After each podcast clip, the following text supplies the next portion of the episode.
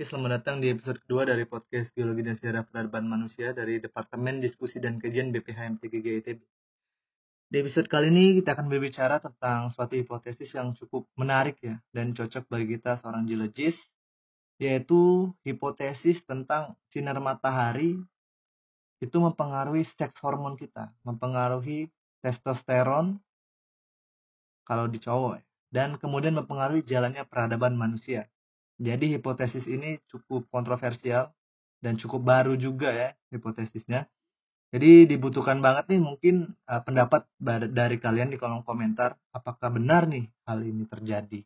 Apakah ini nih sebuah cocok logi atau this is real thing, legit gitu. Dan this is legit.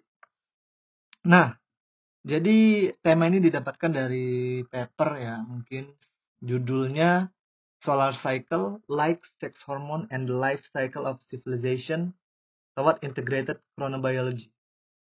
Jadi paper ini mau menggabungkan baga hal-hal yang disebutkan tadi menjadi satu chronobiology. Jadi kita melihat sejarah itu tidak hanya dari event, namun dari behavior, dari tingkah laku manusia juga yang dipengaruhi oleh biologi manusia. Oke, pertama kita bahas dulu nih. Jadi manusia itu butuh energi untuk berperilaku ya. Untuk bangun tidur kita butuh energi. Energi kita dapatkan dari matahari. Oh why why? Dari matahari gitu kan. Emang kita tanaman. Nah yes kita dapat energi dari matahari sih kita makan tanaman tanaman dapat energi dari matahari. Kita makan daging daging itu makanya tanaman tanaman dari matahari. Jadi role kita di paper ini dibilang kita itu sangat ber, sangat terpengaruh lah oleh matahari tersebut. Nah, selain itu, selain energi, matahari juga mempengaruhi seks hormon kita, yaitu testosteron.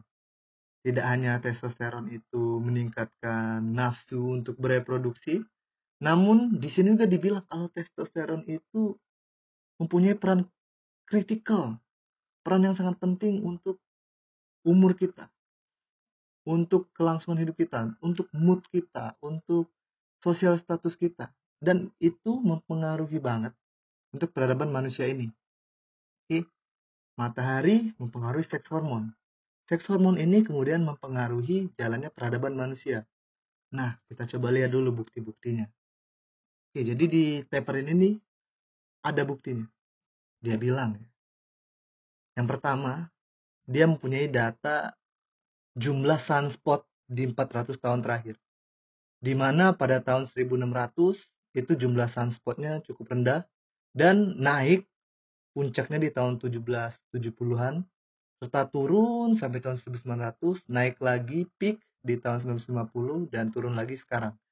Nah itu secara umum, cuman itu kalau lihat lihat itunya ya grafiknya itu naik turun naik turun banget. Nah dan di di sini dia bilang ketika sunspot dari matahari itu turun, ada suatu hal yang kurang baik lah terjadi pada peradaban manusia. Ketika sunspotnya naik, itu sesuatu yang baik terjadi pada manusia. Jadi di sini juga dibilang tuh kalau English Enlightenment, Enlightenment kayak zaman-zaman Newton, zaman-zaman banyak sekali saintis-saintis hebat itu membuat ilmu-ilmu untuk kita sekarang itu tuh terjadi ketika sunspotnya cukup tinggi dan menurun itu tuh malah terjadi hal-hal yang bad di dunia ini. Contohnya perang dunia kedua Hitler Nazi sosialisme Nazi postmodernisme gitu kan. Nah itu tuh hal yang jelek ketika mataharinya rendah gitu. Mempengaruhi hormon manusia itu jadi rendah dan hal buruk terjadi kayak perang dunia itu. Nah kemudian disimpulkan juga nih di sini dibilang kalau hal itu sangat-sangat berpengaruh di kehidupan kita sekarang. Karena di sini dibilang kalau 2020 itu tuh merupakan saat di mana sunspot itu rendah. Rendah seperti tahun 1939 1940 di mana terjadi perang dunia kedua. Nah, hal ini dia bilang dia bilang sunspot rendah di tahun-tahun belakangan ini 2020 itu tuh dibuktikan dengan adanya apa? Pandemi dibuktikan dengan adanya mass histeria lah ketakutan meningkatnya otoriterisme di seluruh dunia gitu kan. Hal yang tidak baik lah. Dan yang berhubungan banget itu tuh berpengaruh juga pada mental health kita. Kayak matahari rendah itu kan kalau kita lihat di Twitter kita lihat di Instagram itu banyak banget kan mental health mental health gitu kan. Nah dia bilang di sini nih itu tuh kemungkinan terpengaruh dari testosteron ini terpengaruh dari siklus matahari itu nah selain itu juga di masa modern ini katanya kan kita hidupnya sering di rumah sering makan-makan gak sehat itu menurunkan testosteron kita dan membuat peradaban semakin tidak baik nih kalau dia bilang di sini. Nah, oleh karena itu disimpulkan